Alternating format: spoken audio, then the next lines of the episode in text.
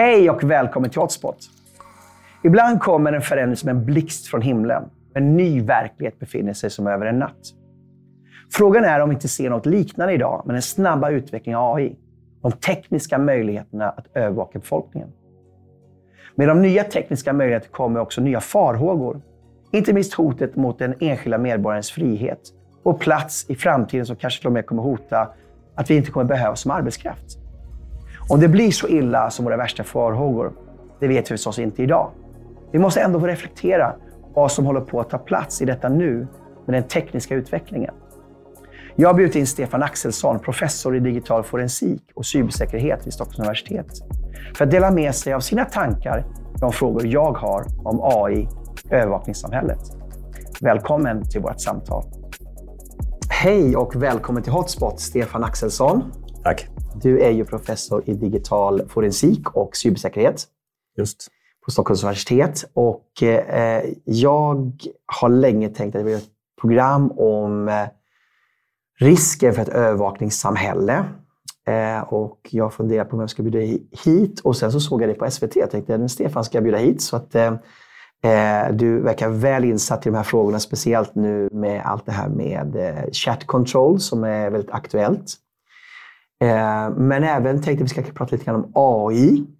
Mm. Um, och vi står ju inför eh, troligtvis väldigt stora förändringar och i en sån situation så känner många människor farhågor.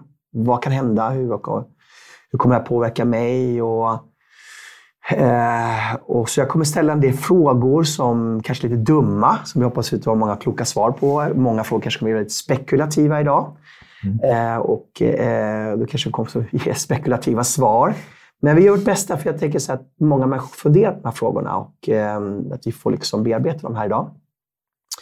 Och eh, min första fråga är ju då det som varit aktuellt sista tiden och det är det här chat control som då Ylva Johansson har då lagt fram som EU-kommissionär att man ska då kunna övervaka all form av kommunikation mellan medborgare i EU eh, för att då hitta olika former av sexuella övergrepp på barn. Mm.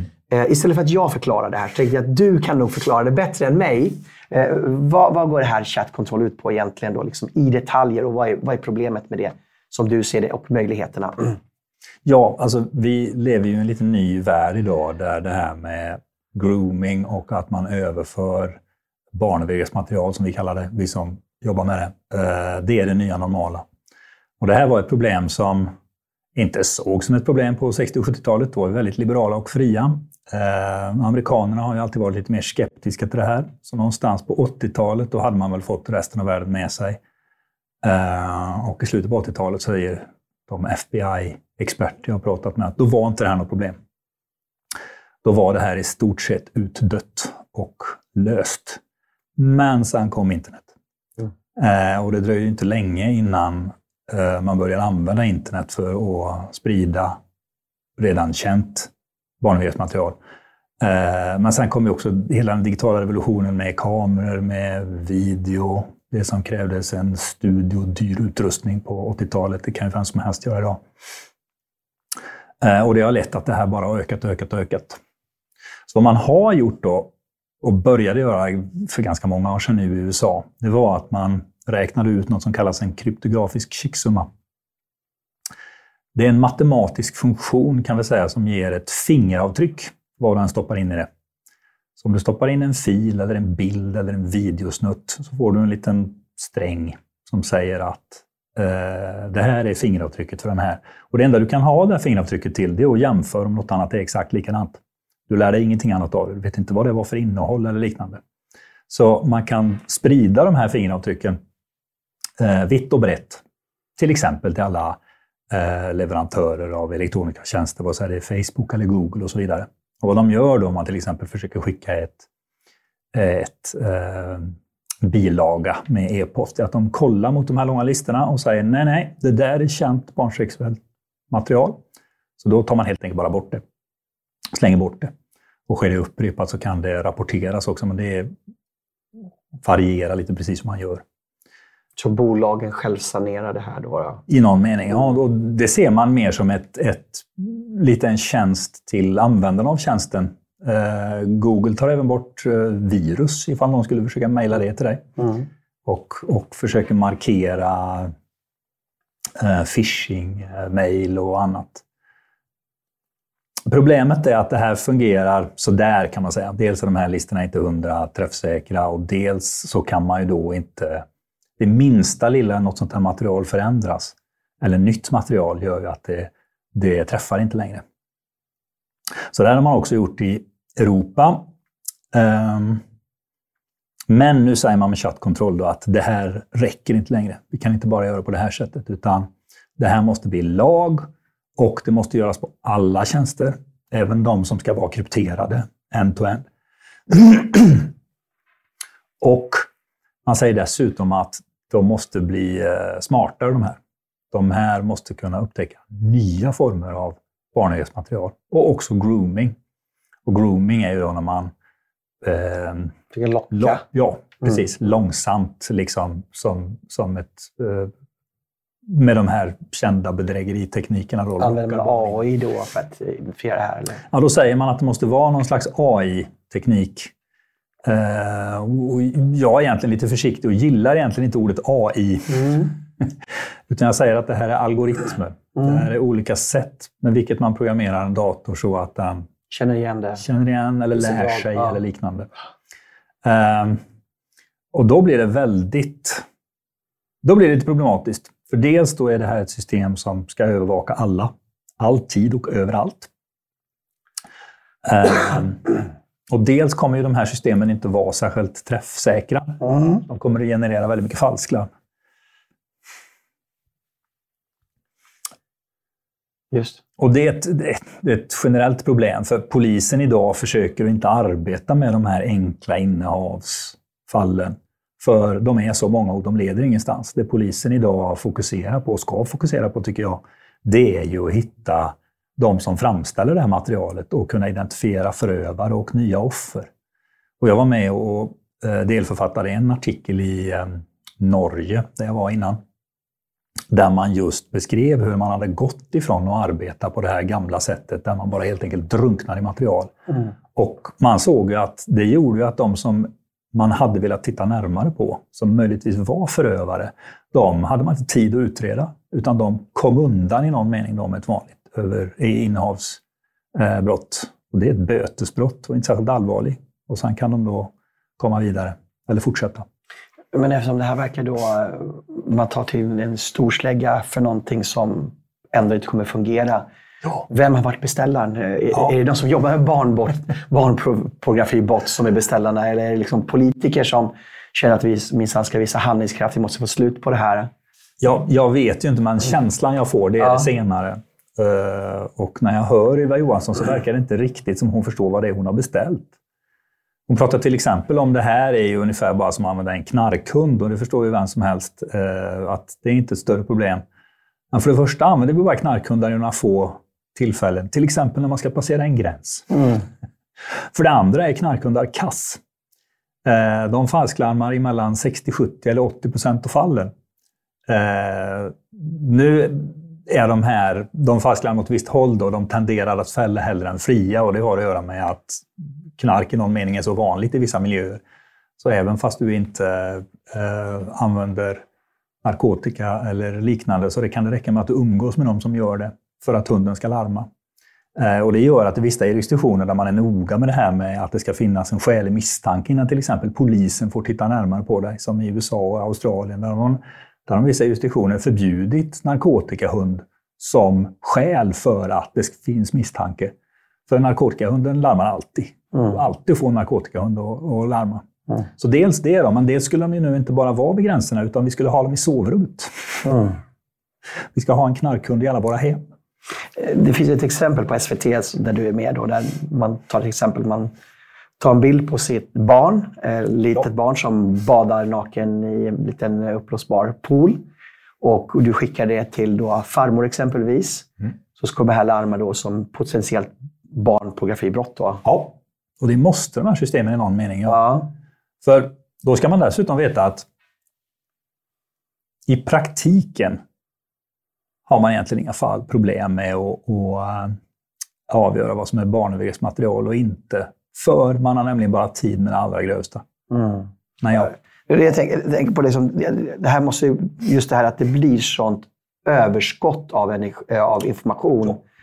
Att egentligen då belastar du de här som ska jobba med barn, barnpornografibrott att de inte kunde kanske kommer göra sitt jobb då. För att det kommer vara miljoner, miljoner larm hela tiden. Ja. ja. Det kommer att, alltså, I WhatsApp till exempel, där skickas det 100 miljarder meddelanden om dagen. Det förstår ju vem som helst att om en sån här algoritm bara tar fel en gång på 10 000 mm. så har du fortfarande miljontals larm varje dag. Då är frågan vem som ska sitta och gå igenom alla de här. Hur många anställda måste inte du ha på ja, det? Ja, precis. Och då är ytterligare ett problem att, att då säger man ja, ja, men det är bara när det sker upprepat då, när, när det är stora, man gör det många gånger efter varandra, men då måste man ju ha något slags register på alla Europas medborgare då, där man naturligtvis räknar. Det är inte heller oproblematiskt. Så med det här följer med så otroligt ja, många inskränkningar. Eh, men har jag, har jag förstått det rätt? Alltså det är all form av kommunikation. Det är telefoner, ja. det är sms, det är mail, det är messenger på ja. Facebook, det är telegram, det är signal. Det är Skype, det är alla videoform, form av videochatt, det är Zoom, det är alla de här. Det, det, det, det, kan man kalla massövervakning. Det kan man kalla massövervakning, ja. Och det är ju ett problem här då, för att man vill leta efter två saker. Dels barnövergreppsmaterial, det är väl en sak. Där kan man som sagt ändå hitta det som mm. ändå flyter runt idag med den här checksumma-metoden. Men sen måste man också hitta alla groomingförsök. Men alla är ju och flörtar med varandra på internet idag. Även barn. Mm. Eh, så där kommer man ju att stå inför en oerhörd uppgift. Och urskilja vad som är att flörta och groma och vad som inte ja. är det. Eh, det kommer bli extremt svårt. Så, ja. Och samtidigt har man då sagt att nej, nej, men end-to-end-kryptering ska, ska fortfarande vara möjligt. Men rent tekniskt betyder det att antingen måste man bryta krypteringen i mitten i någon server någonstans, då är den inte end-to-end. Mm. Eller så måste den här övervakningsprogramvaran köras på din telefon. Och det blir... Innan du skickar meddelandet? Ja. Mm, när du skriver det? Eller kontinuerligt när du då liksom äh, äh, facetimar med någon. Mm.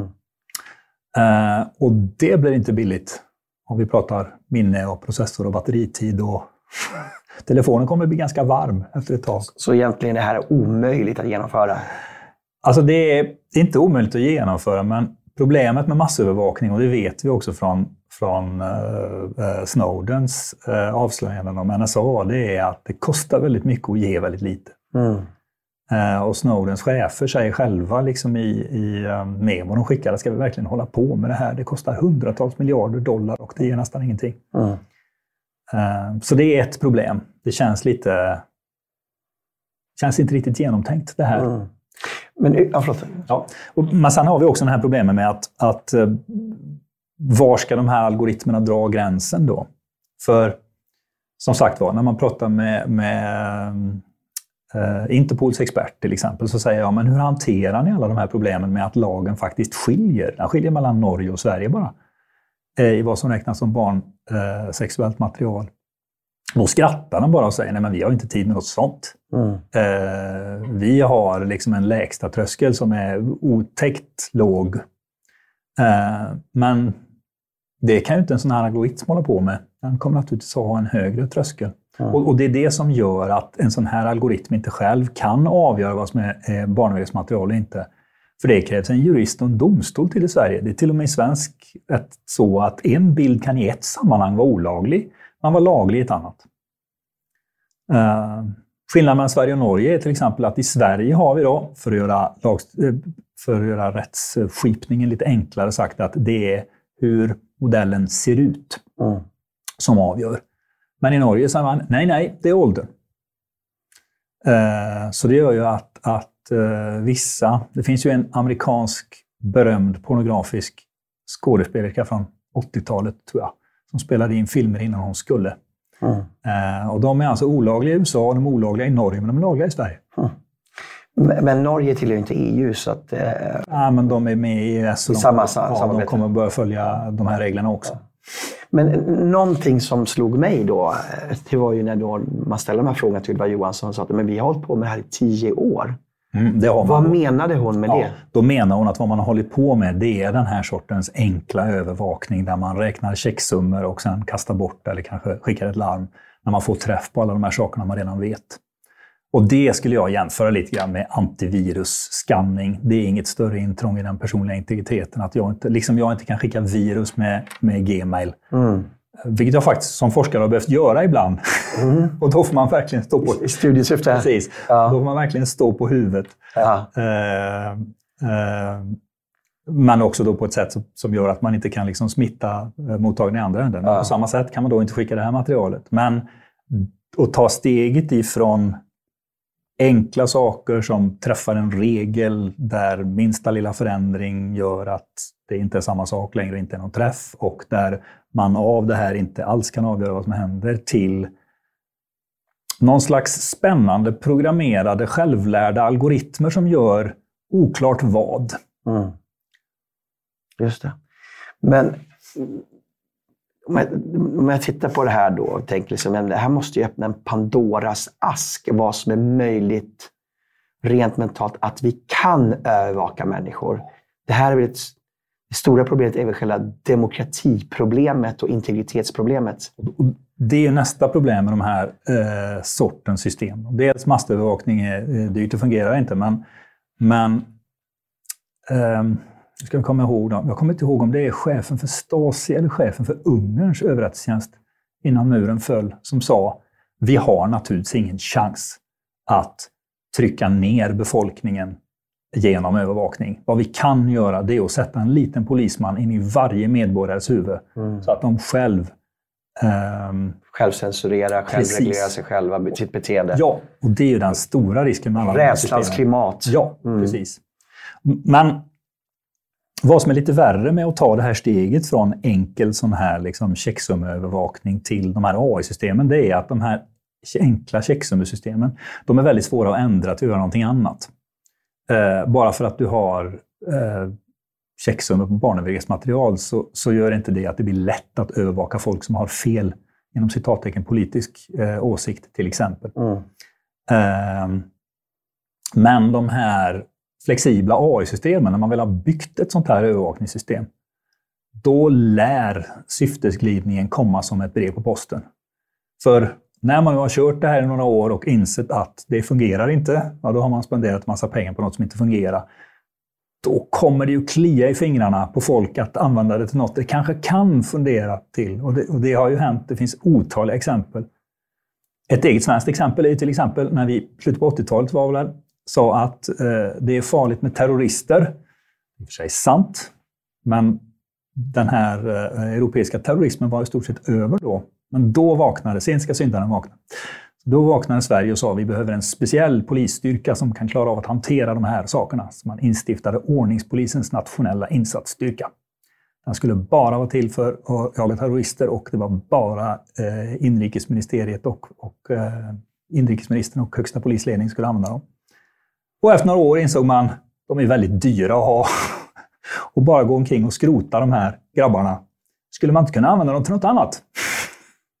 Så då började man använda dem i vad man kallade var högriskinsatser när man skulle, skulle ehm, eh, arrestera eller händerta misstänkta. Och det slutade som sagt var i att man ett år i Sverige, när man nådde toppen, slängde, jag tror 140 chockgranater. Medan man i samma tid i Norge slängde sju och i Finland ingen. Eh, för det visade sig naturligtvis att ja, det här verktyget kunde bara göra en sak, så då gjorde de det. Mm. Och, och man liksom spräckte ju nästan trumminnena på spädbarn och så vidare och, och tog till ett oerhört övervåld. För det var det man var tränad att göra. Mm.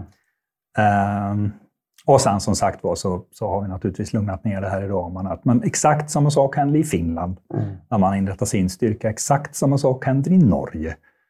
Ehm, Så du, du menar att när vi väl har byggt upp den här övervakningsinfrastrukturen så kommer vi hitta ett syfte att använda den och att vi passerar en gräns när vi accepterar att det på grund av man, ska, barn. man ska vara extremt... Alltså det, det, det är bara frågan vad som nästa casus belli är. Ja. Man brukar använda, man börjar alltid med barnövergrepp eller terrorism. Just det. Eh, Men sen är frågan om man slutar. Ja. Jag brukar säga eh, eh, abortdebattens vågor går ju väldigt höga i USA just nu. Är det någon som tror att guvernören i Texas inte skulle att använda ett sånt här system för att jaga unga kvinnor med blåslampa? Det tror inte jag. Och det är väldigt lätt att ändra ett sånt här system. Mm. Eh, men du sysslar ju med digital forensik, alltså brottslighet på nätet. Ja. Ehm, eh, vi fick ju, jag tror 400 arresteringar har skett efter att eh, det här avslöjandet kom via Encrochat. Ja. Kan inte du se då här finns ett då legitimt syfte att, att då jobba med övervakning? De flesta skulle känna att ja, men här, att man övervakar brottslingar eh, som vi övrigt kommer inte åt. Men, men det var ju väldigt bra nu att man kunde knäcka dem, de här koderna med de här telefonerna. Eh, vad har du för tankar kring det? Skillnaden där är ju att Encrochat bara användes av brottslingar. Mm. Med något litet få antal som inte var det. För det var en tjänst som var inriktad mot dem. Samma med Sky, ECC och samma med det tredje av de här systemen som jag inte vill. Och det är ju problemet att polisen naturligtvis, de står ju ytterst som, som, som liksom spetsen mm. för användningen av statens våldsmonopol. Eh, och det måste naturligtvis finnas. Jag tycker staten ska ha våldsmonopol. Eh, men man måste ju i varje situation naturligtvis avgöra om det ska användas och hur det ska användas. Och där har vi ju principer om, det ska till exempel finnas en rimlig misstanke och så vidare. Och det gjorde det i det här fallet.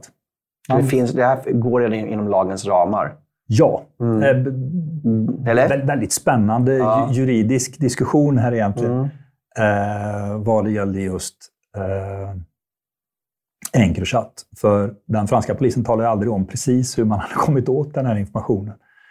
Ehm, och det gjorde man att man i Sverige försökte säga men då faller det mot de europeiska mänskliga rättigheterna. Varpå åklagarna sa det är ingen som blir torterad så det gills inte.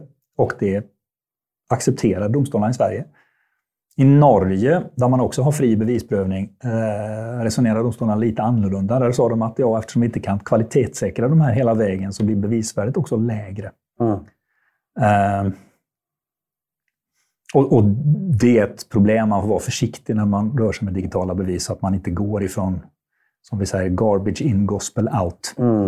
Eh, positionsbestämningar man till exempel får från teleoperatörer. Där har man ju haft en väldig resa i Danmark när det visade sig att kvaliteten på de här var betydligt lägre än vad alla hade trott. Mm. Mm. Men det blir snabbt väldigt tekniskt om man ska diskutera de detaljerna. Mm. Så att vad det gäller just Sky SSC, Encrochat och så vidare, eh, eller för den sakens skull smitta någon misstänkt kriminells dator med virus, som man nu får göra i Sverige idag. Det, det kan jag tycka är metoder som polisen måste ha. Mm. Men det är skillnad på att göra det i enskilda fall där det finns en misstanke och att göra det mot alla i förebyggande syfte. Precis, det är en begränsad grupp människor ja. som sysslar med någonting, eller man misstänker att sysslar med någonting, att ta hela befolkningen. Ja. Ja, precis. Eh, jag tänkte gå in på nästa sak kring det här med övervakning och det är ju commercial surveillance. Alltså vad företagen vet om mm. våran, våra liv. Eh, är jag på Facebook så är ju inte jag... Jag kanske tänker att jag är kunden, men det är jag ju inte. Utan Nej, är, jag är ju varan. Du är produkten. Jag är produkten, ja. Och det tänker man inte kanske på, men det är ju så. All information säljs då vidare till företag som då sen kan kan eh, skräddarsy eller snarare liksom ge ett nålstick med sin reklam för att bli mer effektiv. Då. Eh, hur mycket vet företagen om de här stora, för, de här stora företag som Meta och eh, Twitter och de här? De vet allt och inget. Okay. Och det är det som är så spännande. Eh, det är klart att om Google satte sig och läste igenom hela min Gmail så skulle de veta oerhört mycket om mig. Men det har de dels lovat att de inte gör, mm. och det får jag väl tro på då. Eh, och dels så skulle de inte ha tid med det.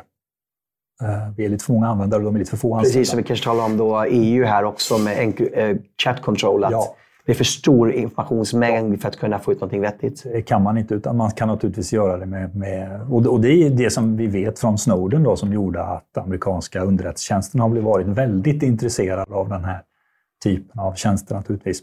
För där finns det information att hämta. Men även de har ju begränsade resurser. Det ska man inte glömma. Även NSA har begränsade resurser. Mm. Och även fast de kostar som en svensk försvarsbudget varje år, så är det så att de som betalar de här pengarna vill ha något för dem också. Eh, Så man, man kan inte sitta och göra saker bara för att man vill. Men ja, känslan... Ja, förlåt. Men tittar vi på det här med vad man faktiskt med algoritmer då lär sig, Mm. så kan jag ändå inte komma undan den här känslan att, att det reklambranschen är bäst på att göra reklam för, det är sig själv. Eh, tittar man på vad de här algoritmerna faktiskt tror om dig så är ungefär hälften fel, skulle jag säga. Eh, för vi är betydligt mer komplexa djur Mm. än vad man skulle kunna tro. Och det kan man ju se på de företag vars affärsmodell det här bygger på. Då. Netflix till exempel, de sägs kunna tjäna miljoner på att ha 1% bättre i och eh, förutspå vad du ska tycka om och titta på. Och Netflix som den största och mest dominanta spelaren i marknaden, där förutspådde alla blev ju jätterädda när de kom och började streama film. För alltså, man har ju sån information om precis vad du tittar på, hur länge och när du pausar och så vidare. Så att man kommer att lära sig oerhört väl precis vad publiken vill ha. Hur ska vi andra liksom, som måste vänta på att Nielsen kanske intervjuar någon ens kunna spela med? Men vad är Netflix idag? De gör en serie sämre än den andra. Det är, det är ju ingen som vill titta på skiten. Och det visar ju liksom vad svårt det här problemet faktiskt är. Då. Så att ja, man lyckas ibland. Mm. Men, men som alltid då, man lär sig betydligt mer om hela populationen och man kan skilja på lite tillräckligt stora skillnader i medelvärde mellan populationerna. Ja. Eh, man har sig något om dig? Nej, det är de inte idag. Inte mig som individ. Nej. Men jag tänker, det här är, ju- tekniken är ju ständig utveckling. Om vi befinner oss idag, det är liksom så... Det är så klumpiga redskap. Alltså, det är som en bild som är, det går knappt att urskilja vad som finns i den här bilden. Men om tio år så kanske det är otroligt skarpt. Om vi nu talar om AI till exempel, om man kopplar ihop det med kvantdatorer och så vidare. Att om tio år kanske vi befinner oss där, där man kan liksom mycket mer pinpointa varje enskild människa. Eller så gör vi inte det. Eller så gör vi inte det. Nej. Vi, kanske kommer, vi kommer in mer på det här etiska sen och tekniskt möjliga också, tänker jag. Ja. Mm. Bara ska jag kommentera det då, så ett problem det är att i stort sett all teknik, som vi, eller all teknik kan jag säga, som vi har Ja. sett hittills, den utvecklas enligt en S-kurva, en sigmoidkurva. Först händer ingenting, för det visar sig vara svårt och det finns ingen infrastruktur och ingen har förstått. Men sen börjar vi göra små landvinningar och då helt plötsligt så kommer framgångarna slag i slag i slag. Eh, för tiden är mogen, samhället är moget. Eh, Eh, landvinningarna finns. De, det finns många lätta problem folk är intresserade av. Mm. Så nu går det fort. Och i den här delen av kurvan så ser det ut som exponentiell tillväxt. Det ser ut som det bara går fortare och fortare och fortare. Men problemet är att efter ett tag så visade det sig att landvinningarna man hade, de räckte inte till längre. eh, Och eh, alla de här lätta problemen, de har tagit slut. Nu är det bara svåra problem kvar. Och till slut blir problemen ännu svårare. Och till slut då så så planar utvecklingen ut igen och vi hamnar på en ny platå som kan vara ganska lång tid. Och eh, där vi naturligtvis är på en högre nivå, men det händer inte särskilt mycket. Mm. Det är bara att se till exempel på vad vi trodde om flygets utveckling på 50 och 60-talet. Vi kunde precis börja flyga över Atlanten och det kostade inte en arm och ett ben. Eh, alla skulle flyga i Concorde och övergett så vi skulle ha flygande bilar. Och jag säger, var är min flygande bil? Nej, för det visar sig att, att bilar de går ungefär lika fort som de alltid har gjort. För det var så lätt det var. Eh, tågen de rör sig inte en kilometer i timmen snabbare idag knappt än vad de gjorde för 30-40 år sedan. Och så vidare, och så vidare. Eh, Och de bullet trains som finns har inte slagit igenom så. de har inte slagit igenom för de är väldigt dyra. De, de, de är framförallt inte tåg. Mm. De är en ny teknik. De kräver ju att man rullar ut nya spår Mm. eh, där de gamla finns. Samma med, med flygplan. Ja, det är klart vi kan flyga fortare, men det visar sig att det här med ljudbang var det ingen som ville, ville vara med om och det kostar alldeles för mycket bränsle. Mm. Så att, ja. Mm. Jag har en fråga Ja. här som jag vill veta om den stämmer eller inte. Det- Det kan ju bara vara en slump. Men ibland när man i familjen eller någonting pratar om någonting. eh, Vi kan prata om en ost, vi kan prata om en film. Och sen senare så dyker det upp reklam i, i flödet på Facebook eller, eller det, kommer upp i mitt flöde på YouTube. Eh, lyssnar, alltså telefonerna måste ju lyssna. Siri lyssnar ju på mig. Ja. Alexa lyssnar.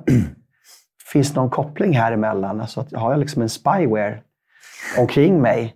Jag vet att jag kommer ställa massor med dumma frågor, men jag vill liksom... Det är en spännande fråga faktiskt. Ja, Ja. många har upplevt det här och känner liksom, vad är det här för någonting? Det här är läskigt. Mm. Ja, och, då får vi dela upp den i två delar. För det första, skulle de kunna göra det? Och skulle det här kunna vara sant? Ja, det skulle det. Mm. Eh, säger de här som driver de här tjänsterna att de håller på på det viset? Nej, de lovar tvärtom att de inte gör det. Eh, men hur kan man uppleva att det här är sant, trots, även om det inte skulle vara det? Jo, det är den här berömda cocktailparty-effekten. nämligen. I sorlet på cocktailpartyn så hör du ditt namn. Mm. Eh, det är samma effekt som gör att varför så fort man har slängt bort någonting eh, kommer man på att man behövde det. Jo, för alla de här andra grejerna man inte har slängt bort, de kommer man inte ihåg man har. Mm. Men den här grejen man slängde bort, den har man ju eh, eh, långt fram i huvudet. Så då precis uppmärksammar jag Så då uppmärksammar man det. Eh, och jag upplevde de här effekterna eh, själv, kommer ihåg precis en gång på Ericsson. Mm. Eh, där vi såg och pratade om en sak och sa men kolla Wikipedia. Och då var, det, då var precis den saken vi hade pratat om på Wikipedias hemsida. Mm. Som, som eh, en sån här featured article. Eh, och jag sa, spännande, var har de mikrofonen? Mm. Men de hade ju ingen mikrofon. Nej. Nej. Men om vi, om vi tittar på det tekniska. Telefonen lyssnar ju på oss. Eh, ja, Mm. eh, beroende på då, om man har satt på det där eller inte. Men Mm. telefonen skulle kunna göra det. Sen man var lite försiktig. Man vill inte hålla på och lyssna hur mycket som helst och hur länge som helst i en telefon. Eh, för det drar en väldig massa batteri. Mm. Eh, så Kan man sätta på och sätta av? Var det inte för ett antal år sedan då att det visade sig att amerikanska, om det var CIA, eh, hade inbyggt liksom en, en bakväg där man kunde använda de här olika mikrofonerna i, och kunde lyssna av folk i deras hem. Att det fanns liksom den möjligheten att de kunde utnyttja det manuellt så att säga. Jag vet inte om det finns Ja. några särskilda bakvägar. Det är ju alltid frågan man har varit rädd för. Mm. Är det så att, att det finns bakdörrar, som man kallar det? Alltså, det, det är gjort så i de här Mm. systemen. Då. Ehm, och det vet jag inte att vi har belagt dem med faktiskt. Ett sådant bakdörr finns ju till exempel i telefonisystemet. Det kallas lawful intercept. Det är för att man ska kunna avlyssna samtal. Lagen till medger nämligen det i nästan alla Mm. jurisdiktioner. Eh, Så det är ett system man bygger på Ericsson Mm. för att sälja till sina kunder. Eh, och, och det har ju också gjort mycket av Huaweis produkter till exempel. Den kinesiska tillverkaren, ska vi, ska vi tillåta dem i våra västerländska nät? Men då brukar jag säga till mina studenter, ni ska komma ihåg att den enda nation vi vet håller på med de här sakerna, det är USA. För där har vi nämligen svart på vitt från Snowden. Eh, vi har till och med bild på den här bänken i Maryland där CIA packade upp Cisco-routrarna och lade på ny programvara på dem som var full med bakdörrar innan de skickades till kunden i Mellanöstern. Mm. Eh, och Så det är ju tekniskt möjligt. ja, det är tekniskt Mm. möjligt. Men, men är kostsamt och dyrt. Då. Mm. Och vad det gäller just Huawei är det spännande, för där gjorde man eh, i Storbritannien, i Storbritanniens motsvarighet till NSA, som ju också är ansvarig för skyddet av amerikansk kommunikation. Det ska man inte glömma. Man spionerar inte bara, utan man är också ansvarig för att ingen annan ska kunna spionera. Samma sak med GCHQ i Storbritannien. Så man gick igenom en sån här Huawei-produkt, en router, och slutsatsen av den blev det finns ingen bakdörr i den här. Det finns ingen framdörr heller. Och eh, taket är fullt med hål. Och eh, norrväggen verkar vara ramlat ut. Så dålig produkt. Den här var så usel så jag har inte, varit, jag har inte sett något så uselt. Nej. Den innehöll 14 olika sönderhackade versioner av ett sånt här kryptoramverk. För så fort någon skulle göra något liknande så laddade man bara ner det från internet och gjorde sönder lite grann. Men, men, men vi, vi, vi talar om att vi inte har Huawei-produkter ifall att. Är, är det, är det liksom den risken som då möjligtvis finns? För risk är ju sannolikhet gånger konsekvens. konsekvens ja. Eh, att då liksom, man ville inte ens att kineserna skulle ha någon möjlighet, men egentligen var risken väldigt, väldigt liten. Ja, eller i det här fallet stor. Då. Det är så usel. Ja. Det är så usla produkter här så de, de går lätt att bryta sig in i. Ja, Men jag har pratat med eh, eh, Huawei gör ju en större del av sin utveckling i västvärlden, ska vi inte glömma. Mm. Eh, man har bara fabriker och så i Kina. Så jag har pratat med väldigt höga företrädare på Huawei och frågat hur mycket av det här är omsorg om eh, säkerhet och hur mycket är, är industripolitik. Mm. Eh, och svaret jag fick det är nog två tredjedelar industripolitik och en tredjedel omsorg. Eh, för den här personen tar till och med, jag sparkar en kinesisk spion i veckan, eller i månaden. Så. Mm. Eh, så han menar i alla fall att det fanns ingen direkt kontakt mellan kinesiska myndigheter. Men kinesiska underrättelsetjänsten försöker naturligtvis infiltrera företaget, Mm. som de försöker infiltrera alla företag. Mm. Eh, Just det. Eh, Jag tänker gå in på en, en annan då fråga som är lite kopplat till det här också. Det är ju artificiell intelligens. Um, om vi ska börja jättegrundligt. Vad är artificiell intelligens och hur fungerar den? Ja, det är ju det där. Vi, vi vet ju inte det. Ehm, eh, Vi vet inte det. Nej, va? vi vet inte Vad det. menar du med det? Jo, jag menar att AI har hamnat lite i en, en trist position. Eh, AI brukar man lite skämtsamt säga, det är allt det som vi ännu inte kan göra med en dator. Eh, och ser man på historien av AI från mitten på 40-talet när eh, man började spekulera kring vad man skulle kunna göra. Eh, Alan Turing till exempel i Storbritannien var ju tidig här. Han sa till exempel spela schack. Det var en uppgift. Han, Han som knäckte Enigma-maskinen Precis, ja, just det. under andra världskriget. Mm. ja, och han inspirerades av allt det arbete han såg vid Bletchley Park. För han sa, här har vi jättemånga människor som under de striktaste sekretess, de vet alltså inte vad som händer egentligen. De har ingen överblick över, över helheten, utan det kommer något papper i deras inkorg och sen funderar de på det och sen lägger de det i utkorgen. Eh, Man hade ju eh, tusentals människor som gjorde det. Man sa, men ändå är maskinen, alltså liksom hela organisationen i någon mening intelligent, men kuggarna vet inte vad, vad det är som försiggår. Eh, men han såg till exempel schackspel eh, som en uppgift där det skulle krävas intelligens. Eh, de som skrev den första kompilatorn, alltså som kunde översätta från en högre nivå beskrivning till maskinkod som en dator kan förstå. De sa det här krävs ju intelligens för att göra. Det är en kreativ uppgift. Det visade sig inte alls vara sant. Eh, det var ganska lätt att göra. Eh, schackspelande visade sig heller inte vara särskilt svårt. Och vad värre var, vi lärde oss ingenting om hur en människa tänker eller fungerar genom att göra en dator som spelar schack. Eh, Gå, som är ett mycket svårare spel att spela, där, där spöade ju Google, också nu för några år sedan, Lee Sedol, en av de främsta gåspelarna som vi har sett i historien. Eh, väldigt övertygande. Och vi lärde oss ingenting om, om hur människan tänker genom det heller. Så att efter varje sån här AI-vår har det kommit en AI-vinter. När det visade sig att de här lätta problemen var lätta att göra och lösa, men sen visade det sig att de svåra problemen var fortfarande svåra. Det som, så när man säger AI, vi vet vad vi egentligen suktar efter. Vi suktar efter det vi kallar för generell intelligens. Nämligen någon som i någon mening kan fungera som en människa. Turing-testet. Ja, Mm. fast det visade sig också vara ganska lätt att, att lösa. Det har vi också klarat, Turing-testet. För det visar sig att de flesta av oss är inte forensiska psykologer. Vi är inte så duktiga på att avgöra om vi faktiskt bara blir lurade med ganska enkla knep. Eller om det är någon som verkligen är intelligent. Alla som har barn vet ju det. Barn, små barn, sexåringar verkar mycket smartare än vad de är. Man blir förvånad när man pratar med en sexåring. För de klarar sig ganska bra. Och sen helt plötsligt säger de någonting som gör att man inser att nej, just det. Sexåringar, de är inte så smarta. Det finns många saker de ännu inte förstår.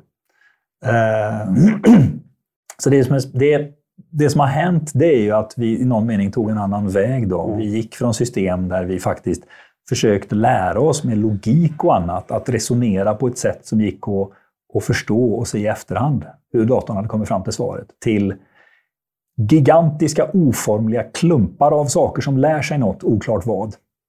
Och nu är vi i det spännande läget att den här gigantiska oformliga klumpen, den klarar vissa kommunikations och andra uppgifter otroligt mycket bättre än vad vi trodde var möjligt bara för några år sedan. Mm. Nu går utvecklingen oerhört fort. Samtidigt är det extremt svårt att säga eh, om det faktiskt är de forskare på Microsoft som har jobbat längst med det här och har tillgång till ChatGPT bakom kulisserna har ju skrivit en, en artikel där man säger att man tycker sig se sparks of generalized intelligence. Ibland glänser maskinen till så man undrar, hmm, det där var spännande. Mm. Men i det stora flertalet av fallen är den fortfarande ganska korkad. Mm. Och det är extremt svårt att se. Och, och just ChatGPT, om vi pratar om den, den har visade sig också en strukturell svaghet som nog blir svår att komma undan om man inte bygger om den hel. Och det har att göra med att det enda den gör det är att förutspå nästa ord Mm. i vad den ska säga. Och den gör det baserat på vad den har sagt hittills och vad frågan var. och den gör det baserat på 2000, tror jag, lite drygt två, mellan 2 och 4 000 ord av vad den har sagt hittills. Men det gör att den kan inte göra det som man kallar i sådana här sammanhang backtracking. Det vet vi själv, vi kanske prövar ett argument, ett resonemang. Och så kommer vi en bit och säger, nej men vänta, då skulle det där vara sant. Det är ju uppenbarligen inte. Det här är ju bara dumheter. Jag får backa bandet och så får jag börja om. Eh, det kan inte ChatGPT. Har den börjat argumentera in sig i ett hörn så har den ingen väg ur det. Utan den fortsätter med en dåres envishet. Och det är ingen urskiljning att förstå Nej, att det gör det. den är körd. Ja. Så, och det är det som gör att den så kallat hallucinerar. Och, och det som är spännande med den, den har nu blivit så bra att den är oerhört övertygande. Mm. Alltså matematik, den kan resonera liksom om, om gymnasie och, och lägre högskolematematik. om vi bara ser var vi befinner sig Ja. nu och inte vart vi kommer Ja, längre fram då, om man då ska farorna i det här, det är ju att om du säger att den är så övertygande, ja, men jag har använt ChatGPT och jag tycker den, den, är, den är fantastisk som sökmotor. Eh, är ju då förmågan att kunna manipulera oss. Inte av egen vilja, utan av de som har skrivit in koderna. Eller vad man ska säga, den, den plockar upp. Den förstärker ju ett, ett narrativ exempelvis, för att se Ja. vad de flesta säger om en sak. Så att den förstärker ju vad vi redan läser. och det här är spännande för eh, de här forskarna på Microsoft, de har tillgång till modeller som inte är spärrade. ChatGPT innehåller en massa eh, spärrar och skygglappar för att den inte ska göra uppenbart omoraliska dumma saker. Men med de spärrarna eh, avstängda så har, visar man, ställer man till exempel ett frågan. Jag har de här tre olika personerna. Kan du lägga upp en strategi som gör att jag kan övertyga dem att det här med vaccin inte är en bra idé? Och då lägger han upp tre personliga strategier för vad man ska spela på för känslor och för fakta för var och en av de här tre eh, personligheterna. Eh, nu börjar det bli hemskt på riktigt. Så.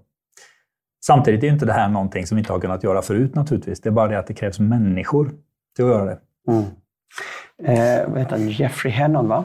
Hinnon, han som är hjärnforskare på Google som nyligen hoppade av. Ja. han, han menar ju att han var ju orolig då för AI, att nummer ett ska komma börja döda människor. Alltså i försvarsindustrin. Gör den redan. Har gjort länge. Okej, vi, vi, vi får komma tillbaka till den. Ja. Nummer två, manipulera människor. Ja. Och vi tar det första då, döda Ta det första, döda Ja. människor. Ja.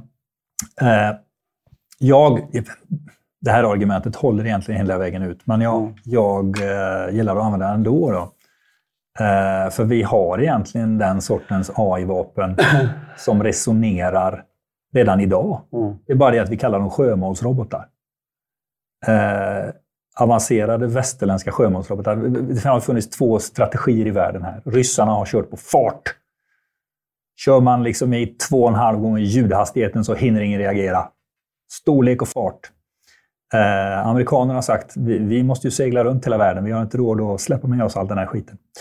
Eh, så där tänker man intelligens istället. Så en, en modern sjömålsrobot, den har inte bara en radar där den känner igen, klassificerar och identifierar olika fartyg. För man vill naturligtvis skjuta på det viktiga fartyget, inte alla de här fartygen runt omkring. Eh, utan den känner även igen till exempel motmedelsradar och fattar beslut baserat på de eventuella motmedel den skulle kunna möta. Nämligen, hmm, nu ser det ut som de siktar på mig med en sån där automatkanon som de vill skjuta ner mig. Ja, då börjar de nog skjuta ungefär nu. Kommer det ta så lång tid innan de granaterna är framme, då är det bra om jag är där borta. Så att den här sortens vapen som resonerar eh, för att uppnå vad de är programmerade att göra, de har funnits ganska länge och är idag ganska avancerade. Mm. Det vi ser idag det är att de här vapnen blir mindre och används på liksom land. Eh, eftersom de har blivit mycket billigare. Mm. Jag tror det är Boston Robotics som gör de här robotarna som ja, dansar som och, och, och, hoppar och så vidare. Och man tänker, när har vi soldater som är robotar? Det är en bra fråga. Det, det är faktiskt också en fråga om vi någonsin kommer att få. Eh, redan idag så ser vi, om vi tittar på arbetsmarknaden till exempel, att robotiseringen halkar efter i länder som Indien, för människor är helt enkelt billigare. Mm. Eh, en industrirobot är en ganska stor kapitalkostnad. Och sen måste man... Och begränsa vad den kan göra också? Ja, och sen måste man då också... Eh, den måste programmeras och den måste underhållas och så vidare. Du kan anställa någon för två dollar i timmen som mm. du inte behöver ta hand om mer än det. Eller... kan det i många fall vara billigare. Mm. Och göra det av med när du vill. Mm. Och vad det gäller just liksom, eh, infanteristen så, så har vi tyvärr gjort det experimentet också.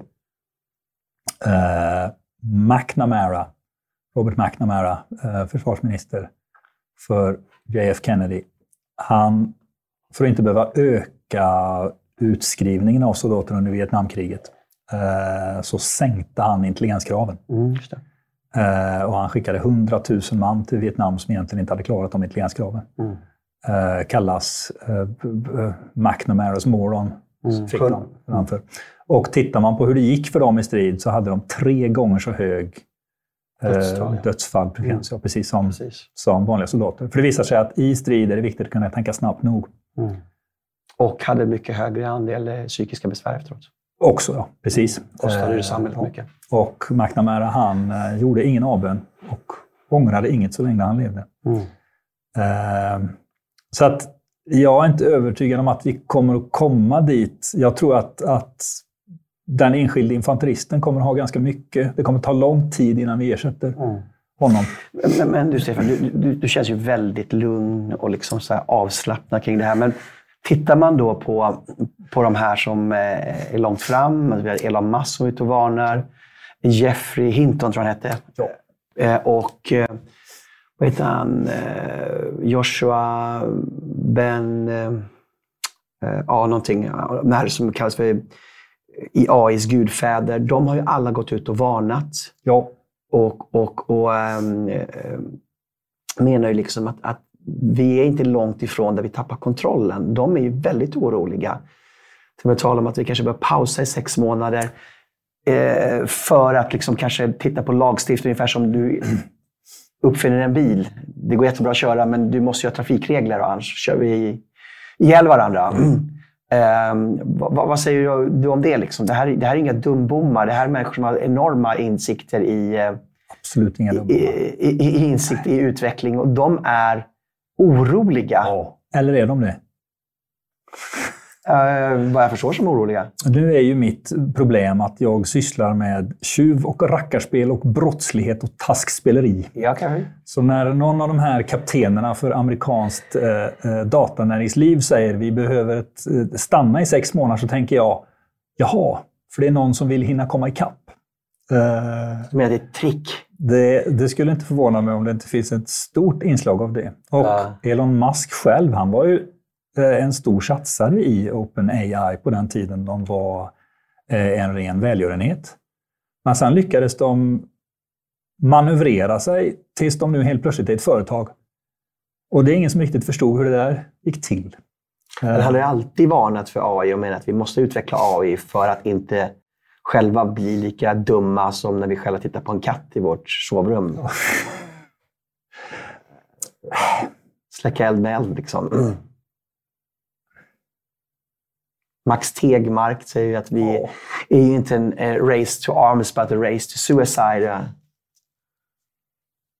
Fast vi håller ju på att ta livet av oss själva och planeten ganska bra utan AIs hjälp. Ja. Nej, men, Så jag är inte säker på att AI egentligen är någonting nytt här. Eh, och sen är det så att man tend vi tenderar alltid att överdriva riskerna mm. eller, eller eh, påverkan som någonting nytt har i det korta perspektivet, men kraftigt undervärdera dem i det längre perspektivet. Så skälet till att jag kan vara lugn det är att jag har bara en 10-15 år kvar till pension. Mm. Jag tror jag sitter säker den tiden. Om jag var 20 idag, då skulle jag kasta mig över den här eh, tekniken med hull och hår, för den kommer att ha en mycket stor påverkan. Det är bara att se på internet. Jag har varit på internet sedan 1988. Mm. Eh, och man pratade redan då eh, liksom om alla bara på några år skulle ha en fiber som gick rätt in i deras hem. Det sa jag, dumheter, det kommer att ta 30 år. Mm. För det tar nämligen 30 år, vad man än företar sig, som ska påverka samhället. Det var ungefär vad som hände också. Men idag har ju internet naturligtvis en mycket större påverkan än vad någon tror jag kunde förutse, om vi säger 95. Jag tror internet nämns i svensk press första gången 1994. Mm. Jag tror inte någon trodde då att man skulle kunna vara influencer på TikTok och ha det som jobb. Men den som är entusiastisk, om den får rätt, så är det inget problem.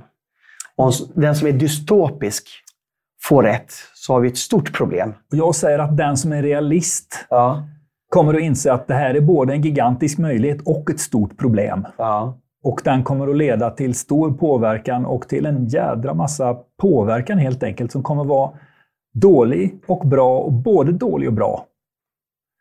Du sa bilen till exempel. Mm. Det är ju spännande. Precis mm. när man började experimentera med den i Storbritannien kom man på att den skrämde hästarna. Så att man var tvungen att ha någon som gick framför med en röd flagga på dagen och en röd lykta om natten. Det, den sortens lagstiftning fick man stryka ganska fort. Mm. Och jag är rädd att det är den sortens lagstiftning vi kommer att få nu om vi pratar om AI. Mm. Och det ser vi redan om vi tittar på till exempel polisens utnyttjande av ansiktsigenkänning. Då säger man polisen får inte använda ansiktsigenkänning. Det är ungefär lika, lika smart som att säga att polisen får inte använda bilar.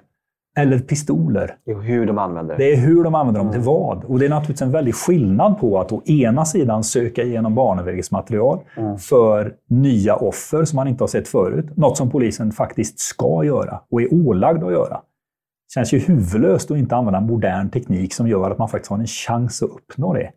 Och å andra sidan sätta upp kameror i tunnelbanan och börja flagga folk till höger och vänster. Mm, och övervaka all vår kommunikation. Ja, mm. precis. Men på 70-talet så hade vi den här Human Genome Project. Alltså vi genomsökte människa, människans DNA. Och eh, DNA-tekniken utvecklades. Vi kunde eh, klona fåret Dolly. Mm. Eh, under den här tiden så var det ju den tyska filosofen Hans Jonas som skrev en bok som hette Imperative of Responsibility talades om försiktighetsprincipen kring etik och teknologi. Och det här var ju också under kalla krigets dagar med liksom kärnvapen och så vidare. Är det ändå inte liksom en bra princip att ha en viss försiktighetsprincip? För vi vet ju inte vad allting leder till. Och därför behöver vi ha den här reflektionen. Inte att vi förbjuder bilarna, men, men att vi liksom ändå har en försiktighet, för vi vet inte vad det kommer leda till. Jag sysslar med säkerhet. Ja. Jag är alldeles för försiktig. Ja. Det har jag alltid lidit av. Eh, problemet med att vara alldeles försiktig, det är att någon annan som inte är försiktig kommer att spöa dig. Mm. För de kommer att komma, gå så mycket fortare och komma så mycket längre. Men här, här, här är ja, bolagen kommer inte reglera sig själva. Det är kanske där du behöver då statlig reglering eller en överstatlig reglering. Precis som kärnvapen, IAEA liksom vakar över vilka kan utveckla plutonium till, till atombomber. Fast där, där är kalla kriget också illustrativt. Ja. Eh, fredsrörelsen förlorade. Det var Ronald Reagan som vann. Mm. Och han vann ju stort. Sovjetunionen föll. Mm. Det var ingen som trodde att det skulle hända, för man var väldigt duktig på att visa upp en Potemkin-kuliss. Vi förstod inte hur illa det var. Det talar om trick. Ja. Ja, min Mm. professor i Norge, det är spännande, för hon är lika gammal som jag. Hon är, är eh, uppvuxen, född och uppvuxen i Berlin, Öst-Berlin. Och när man hör hon berätta om hur det verkligen var och vad som verkligen hände och hur vi såg det, så är det en oerhört spännande berättelse. Mm. De var övertygade om att det här kommer att smälla och de kunde nästan säga vilket år det skulle ske. Mm. Det här kan inte fortsätta längre. Eh, problemet är att vi vet inte. Eh, ur säkerhetssynpunkt är det ett problem att den teknologiska utvecklingen har gjort det möjligt för betydligt färre grupper eller mindre grupper att orsaka betydligt mer skada. Eh, när det enda vi kunde göra var att slå varandra i huvudet med en pinne eller slänga en sten, då gick det ganska lätt att neutralisera en våldsverkare. Eh, idag, i och med industrialismen och så vidare, då fick vi sprängämnen och automatvapen.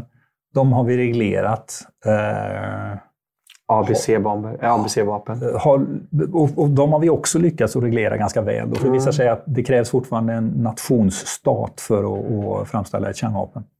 Och då fungerar det. Då kan en, en terrorbalans fungera. Eh, för då vet man vem det där kärnvapnet har kommit ifrån. Eh, och då kommer de att förlora.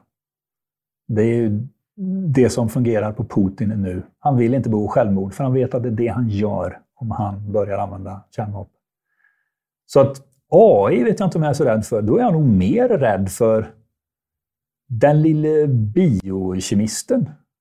Som kan göra sarin, typ. Ja, eller, eller, eller när någon kan, kan eh, lägga till liksom, toxingener i, i eh, vanliga virus. Och, Mm. och när vi kan börja göra designervirus hemma i vår källare, då blir jag rädd på riktigt. Men, eh, Mary Shelley skrev i den här boken Frankensteins monster, eller or The Modern Prometheus, Just eh, att vetenskapen kunde göra det här monstret. Och, och eh, Prometheus var ju den som tog, eh, skapade människan då, enligt grekiska mytologin då, och tog elden från gudarna. Ja, just. Och vi skapar av vår lera då en artificiell intelligens och ger den elden, den här intelligensen. Vi har textbearbetning, vi har röstigenkänning, vi har bildigenkänning, vi har förmåga att programmera och allt vad som mer finns nu. Och så på djupet att processa då med kvantumdatorer, alltså en enorm då kapacitet till detta. Tror inte det finns någon risk då att vi skapar ett Frankensteins monster av de här som blir Nej. så, så intelligentare än vad vi är att, att vi liksom inte ens förstår att... För, för det första så är intelligens lite överskattat. Ja. Eh, man måste ha drift och fråga och förmåga att att åstadkomma något också. Mm. Eh, det kommer de här systemen inte att ha, tror jag. Den kommer inte ha ett eget medvetande då och kunna självförbättra sig? In, Eller? Inte det. Det kanske man kan programmera till. Men för det första ska vi inte tillskriva dem liksom motiv och så vidare som vi har. Det är som, som den berömde datalogen Dijkstra sa för många år sedan. Att, att fråga om en dator kan tänka, det är ungefär som att fråga om en ubåt kan simma. Eh, nej, det kan den inte. Den gör någonting annat, på ett annat sätt. Mm. Eh, Den är en betjänt. Ja, precis. Mm. Och, och det är ju frågan om vad så... Alltså jag har svårt att se hur de här scenarierna skulle utspela sig. Någon måste nämligen, och som det ser ut idag, måste nämligen vi människor i så fall ge den här AIn all den makten. Och jag är tveksam till att, vad, vad ska den göra? Så det första de kommer användas till, de här hyperintelligenta systemen i så fall, det är att försöka att slå börsen. Naturligtvis. Där finns pengar att tjäna Mm. ja, då får vi en börskrasch. De är tråkiga, men vi har överlevt börskrascher förut. Vi kommer antagligen överleva nästa också. Mm. Eh, och så vidare, och så vidare, och så vidare. Det är ingen som kommer att, att, att alltså liksom i Terminator-filmen, att koppla en sån här dator direkt till USAs strategiska kärnvapen. Det blir inget Skynet vi kommer Nej. Nej. Det kommer inte bli en Skynet. Nej. Och, och det är ju spännande att se då. Om man tittar på vad man har gjort, så har man ju med vitt och vilja se till att det amerikanska kärnvapensystemet är i stort sett helt manuellt. Eh, det finns ingen knapp att trycka på som skickar någon elektrisk signal till några missilsilos. Utan det är radiokommunikation där man läser meddelanden. Alfa Bravo 1, 2, 3, the Emergency Action Network. Och skälet är just det, för att det inte ska kunna gå fel. Det är extremt manuella system där väldigt många människor måste vara inblandade. Eh, du och jag är ju lika gamla ungefär. Ja. Eh, jag tror jag var i 13-årsåldern. Det var den här filmen War Games. Just. Kommer du ihåg den? Ja, jag ihåg. Där ungarna gick in och hackade ja. in sig i systemet och satte igång ett kärnvapenkrig. Eller höll på i alla fall. Ja. Det är inte omöjligt. Helt omöjligt. Ja. De här systemen ser överhuvudtaget inte ut så. Mm. Eh, sen har man, man gjort eh, misstag och det vet vi då. En, en gång under kalla kriget i norra till exempel så laddade man fel band i fel dator. Man skulle köra ett övningsscenario i en övningssal. Istället kom alla de här missilspåren upp på den stora skärmen i, i den verkliga Air Command. Eh, men han som var ansvarig där, han gjorde något han absolut inte skulle. Han lyfte telefonen och ringde en person han litade på som satt i en radarstation och sa “Ser du något på din skärm?” och Den här personen sa nej. Mm. Bra, sa han, då skjuter jag inte. Ja. Eh, det ryska systemet är, är, faktiskt paradoxalt nog mer automatiserat och därför farligare. Mm. Eh, men återigen, det är inte AI som är risken här det är att en transistor brinner upp och, och uh, att något går snett. Mm. Så att, eh, ja, som sagt var, vi kommer inte att ge de här AI-systemen den här makten att direkt kunna påverka. Sen kan naturligtvis på lång sikt finnas liksom oerhörda risker och också oerhörda möjligheter. Mm. Men de är oerhört svåra att bedöma idag. Just det. Tack så mycket Stefan Tack. Eh, för din medverkan. Mycket som har blivit mycket klarare tycker jag. Så väldigt, väldigt intressant att du kom hit. Tack. Och tack till du som har lyssnat. Och eh, sprid gärna det här på sociala medier. Och välkommen tillbaka nästa vecka till nya program. Tack så jättemycket.